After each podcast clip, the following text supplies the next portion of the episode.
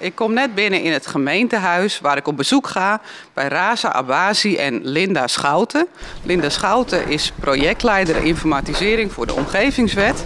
En uh, zij gaan ons uitleggen hoe dat nou precies werkt. Aan de ene kant zeggen we met de omgevingswet wordt alles eenvoudiger en kun je van alles digitaal aanvragen. Maar aan de andere kant ja, is dat voor ons natuurlijk ook een uitdaging. Ook om iedereen in onze gemeente zo vaardig te maken dat ze ook inderdaad met al die computersystemen kunnen omgaan. En aan de achterkant vraagt het natuurlijk heel veel werk om al die kaarten en al die regeltjes in die computer te krijgen. Dus daar ga ik over praten met Linda en Raza. Dit is de podcast Aan de slag met de omgevingswet. Wethouder Andrea van Lange legt aan de hand van voorbeelden uit de praktijk uit wat de omgevingswet betekent voor de gemeente Medemblik. Aflevering 4. Digitalisering. Nou, ik ben zojuist aangeschoven bij uh, Linda Schouten en Raza Abasi. En ik zie hier voor me een heel groot computerscherm. En mijn vraag aan Raza is eigenlijk: hoe zorgen we dat zometeen alle informatie die we nodig hebben uh, bij de omgevingswet, dat het ook voor de burgers en voor onze inwoners makkelijk vindbaar is. En kan je ook uitleggen wat voor werk daar achter de schermen allemaal voor nodig is? Uh, nou, wat uh, belangrijk is, en, om de informatie wat we nu binnen gemeente hebben, wat makkelijker te ontsluiten en overzichtelijker te maken. En dat doen we eigenlijk met kaart. Dus als we heel veel PDF-bestandjes op de website hebben en dan een uh, inwoner moet heel veel PDF-bestandjes gaan doorbladeren om tot informatie te komen, uh, dan zijn we niet echt goed met de dienstverlening. Maar als we beknopte informatie uit PDF-bestanden omzetten naar een soort leesbare kaart, dat het makkelijk te benaderen is, dat uh, de bewoner op een punt of, of zijn adres of een huis of op straat op de kaart klikt en dan ziet hij informatie van zijn uh, fysieke leefomgeving. Wat, wat voor regels daar van toepassing zijn. Waar moet hij rekening mee houden? Waar, uh, waarvoor heeft hij een vergunning nodig? En uh, wat eigenlijk in zijn omgeving leeft. Dat doen we dan eigenlijk op een kaart. Want dat is veel makkelijker en overzichtelijker. Ja, nou ja, ik, ik, ik was wel nieuwsgierig wat eruit zou komen als we mijn postcode in zouden toetsen. En dat is dan 1619BR. Ik uh, typ 1619BR en dan zie ik gelijk dat het een, een Andijk is. Ja. Ik klik erop. Kaart zoomt in op het adres of eigenlijk de postcodegebied. En ik zie dat één vergunning is verleend. En door een legenda kan ik zien waar het over gaat. Ik klik op het poppetje hier en lees ik eigenlijk over de bekendmaking. En de bekendmaking, de tekst wat hier staat, komt overeen met wat in de krant is gepubliceerd en ook wat in overheid.nl staat. Ja. En ik zie dat het een kapvergunning is. Het gaat over het kappen van bomen. En het speelt zich af in de put. En het mooie is dat onze podcast daar straks ook naartoe gaat. Maar uh, ja, de, put dat is een park en het ligt tegenover mijn huis. En de gemeente is daar bezig om... Uh, nou ja, dat park uh, zeg maar uh, een, uh, nou ja, een upgrade te geven en om de grond schoner te maken. Dus in die zin horen we daar straks meer over. Ik kijk naar, naar de informatie wat ik op het scherm zie. Ik zie dat de vergunning op 18 februari is verleend. En er staat hier kort beschreven waar het over gaat, wat voor vergunning het was. En als ik behoefte heb om meer informatie over de vergunning te weten, klik ik gewoon op een tweede link en dan word ik verwezen naar overheid.nl met de, uh, meer informatie over de verleende vergunning. Uh, dat is een voorbeeld van een kaart op de website van de gemeente Medemblik die de dienstverlening van de gemeente verbetert en overzichtelijker maakt. Ja, ik zie alleen niet, er staat hier dat ik nog bezwaar kan maken, maar ik denk dat die periode van zes weken voorbij zijn. Dus die, die link, dat zou wel nog wat duidelijker kunnen voor de gemiddelde En dan uh, wat nog belangrijk is, om die kaart uh, altijd up-to-date te houden. Want dat is ook de vraag, de informatie wat we op de website plaatsen of publiceren, moet altijd uh, de juiste informatie zijn. Alle verleende vergunningen dat op de overheid.nl worden gepubliceerd. Een dag later worden automatisch ook op de kaart, wat wij op de website van de gemeente Medemblik hebben, bijgewerkt. En eh, de termijn, uh, hoe lang ze staan volgens mij acht weken of tien weken op de kaart. En na tien weken worden ze automatisch uit de kaart verwijderd. Dus daar hoeven we eigenlijk niks voor te doen. Nee. En misschien moeten we nu, want wij publiceren nog steeds hè, de vergunningen in de kranten, maar dat we al een vermelding maken dat mensen dat ook kunnen vinden als ze op onze website klikken, zodat ze nou ja, er ook aan kunnen wennen en steeds vaker daar gebruik van gaan maken. Ja, voor mensen die uh, digitaal werken prettig vinden en meer informatie digitaal willen uh, benaderen, is eigenlijk uh, de kaart wat we nu op de website hebben veel makkelijker en toegankelijker. Ja, ik heb hier bijvoorbeeld een aantal kaarten wat we honden. de hondenuitlaatlocatie in spelvoorzieningen.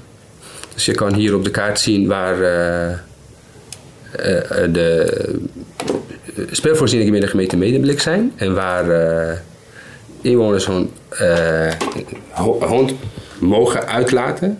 Aangelijnd of niet aangelijnd. Dus dat is ook een, een kaart wat we op de website hebben. Nou, de per straat ook kan je zien waar je je hond inderdaad aangelijnd kan uitlaten waar in de buurt en waar hij los kan lopen. Ja, en er staat Wij noemden dat vroeger in de gemeente altijd de bruine routes. Ja, dat je is... dus de hond los laten lopen. Ja. Dus dat is de tweede kaart wat we op de site hebben gezet. Is ook uh, kan je op, een, op, op, op, op icoontjes klikken en dan zie je informatie over de locatie, wat voor regels daar gelden. En voor meer informatie wordt verwezen naar de website van gemeente Medemblik en daar staan nog natuurlijk meer informatie over de plek waar hond mag of niet mag uitlaten. Ja, en, en ik denk ook voor ouderen. Kijk, steeds meer ouderen hebben gelukkig een tablet. En uh, nou ja, kunnen daar dus, uh, hebben daar dus ook toegang toe. Want ja, de wereld wordt toch digitaler. Maar waar we het misschien ook even over moeten hebben, vergun aanvragen. Hè? Dat kan ook straks met de omgevingswet digitaal, hè? om te kijken of je een vergunning nodig hebt. Ja, ja. Ja, dat is dan de, de, de, de, de, de voordeel eigenlijk, waar we straks naartoe gaan. Dat op één plek, dus de digitale stelsels omgevingswet, kunnen de bewoners meteen zien of ze een vergunning nodig hebben. Wat voor vergunning hebben ze nodig en wat zijn de beperkingen van de locatie? Mogen ze zomaar een dak op plaatsen of de inrit verbreden? Of hebben ze daar ook bepaalde meldingen of vergunningen voor nodig? En de bewoners die een vergunning wil aanvragen, is ja, min of meer verplicht om daar te gaan kijken en de informatie vandaan te halen. Oké, dus dat, dat, is een soort verplichting. Want ik dacht dat het ook eigenlijk de bedoeling was.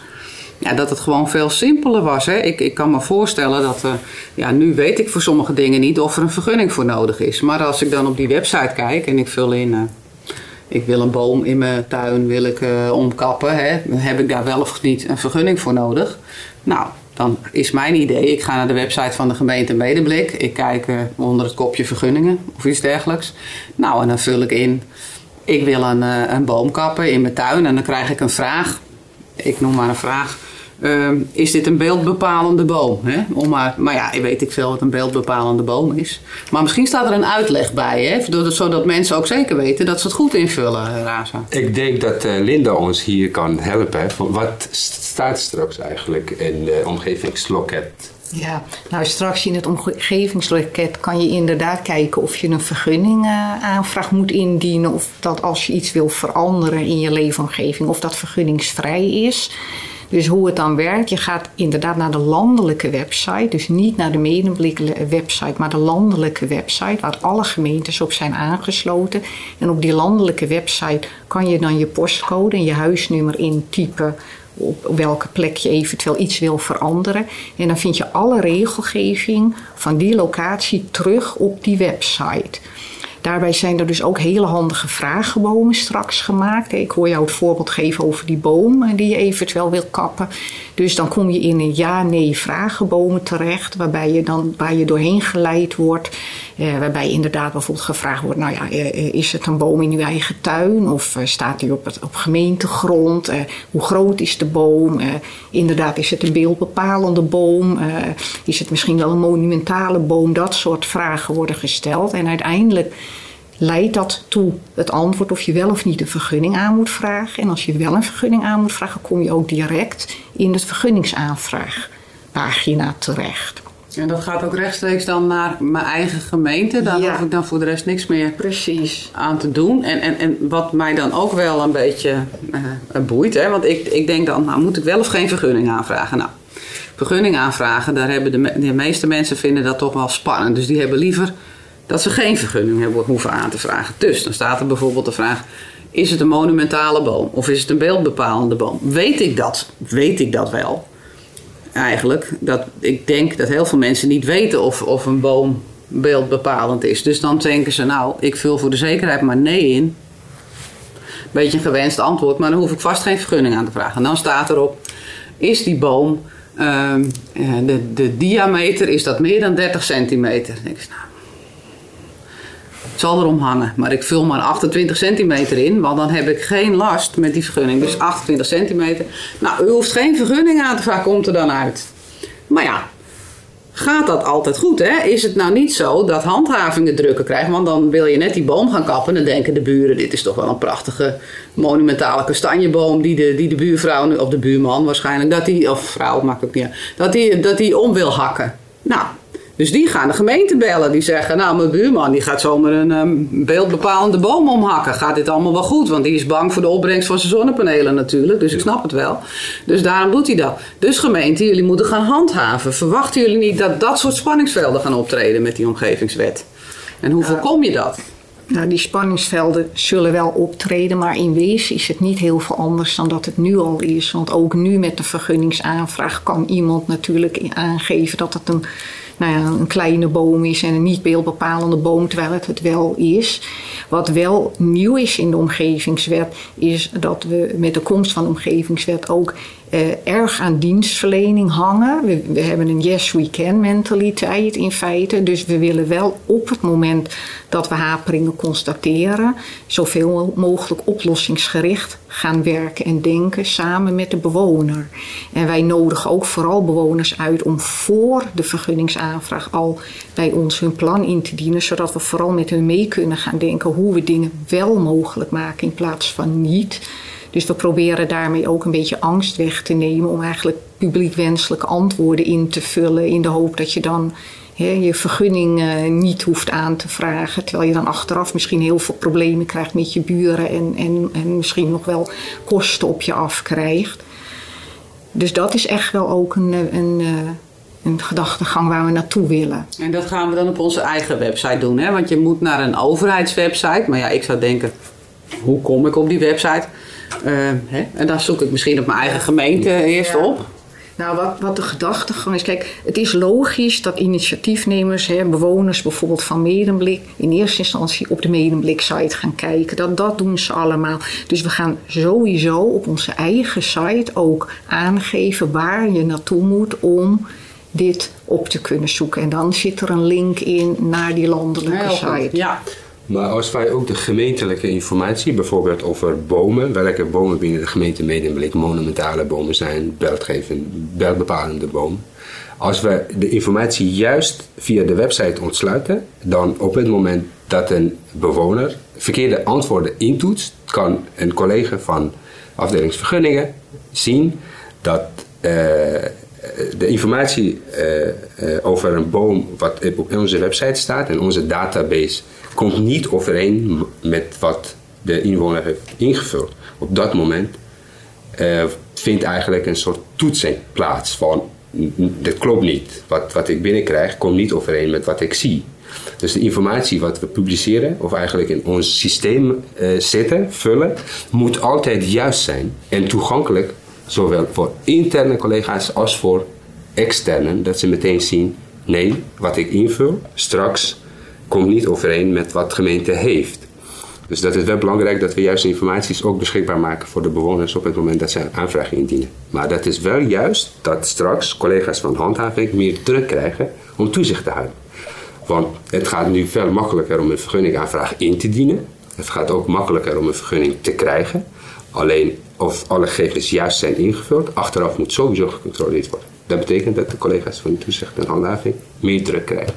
En wat natuurlijk ook handig zou zijn, want ik, jij was natuurlijk liet je kaart te zien. Het zou ook heel mooi zijn als ik, als ik stel dat er een kaart is van alle monumentale bomen in Medemblik, of alle beeldbepalende bomen, dat ik invul mijn postcode en het blijkt er zit geen enkele beeldbepalende boom in de buurt. Dus dan hoef ik dat in ieder geval uh, me daar geen zorgen over te nee, maken. Klopt, klopt. Ja, dat, dat gebeurt ook hoor. Op het moment dat die vragenbomen worden gemaakt, wordt er al in kaart gebracht. In dit geval met het voorbeeld van de beeldbepalende boom. Welke beeldbepalende bomen er allemaal zijn in Medemblik. Dus je kunt als, als aanvrager al daar zien of er een beeldbepalende boom tussen zit of niet. Oké. Ja, dat is dus juist de taak van de gemeente om al die informatie wat we nu hebben straks beschikbaar te stellen via de digitale stelsel omgevingswet. Dus de informatie moet, de, de, de digitale stelsel moet gevuld worden. En dat is de taak van de gemeente om alle pdf's, alle tekeningen wat we hebben van bomen, eh, beschoeiingen, eh, waar een stijger mag geplaatst worden, waar een vergunning eh, voor nodig is, waar niet, allemaal straks ook digitaal toegankelijk zijn via de digitale stelsel omgevingswet. En dat is de taak van de gemeente om dit allemaal te vullen. Nou ja, en daar, daar hebben jullie het eh, denk ik op dit moment heel erg druk mee. Hè? Want die omgevingswet die gaat binnenkort uh, gaat die al uh, in werking. Dus in die zin uh, denk ik dat er nog een hoop te doen is, Raza. Heel veel, heel veel.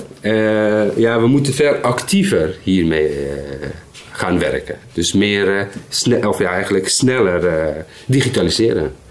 Dus al die tekeningen, losse tekeningen, straks moeten allemaal naar één plek.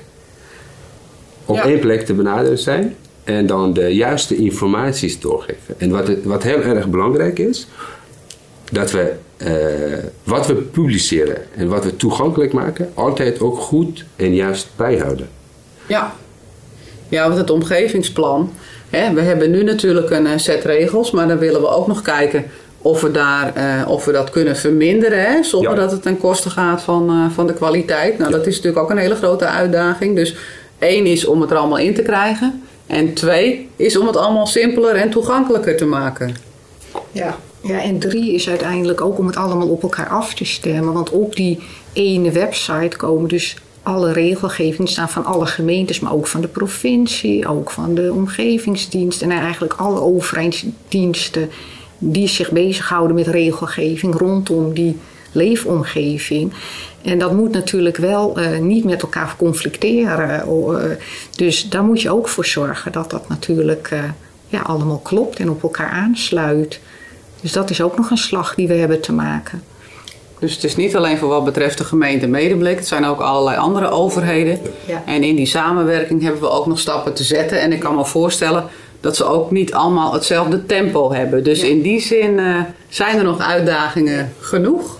Daar zitten we voor. Ja.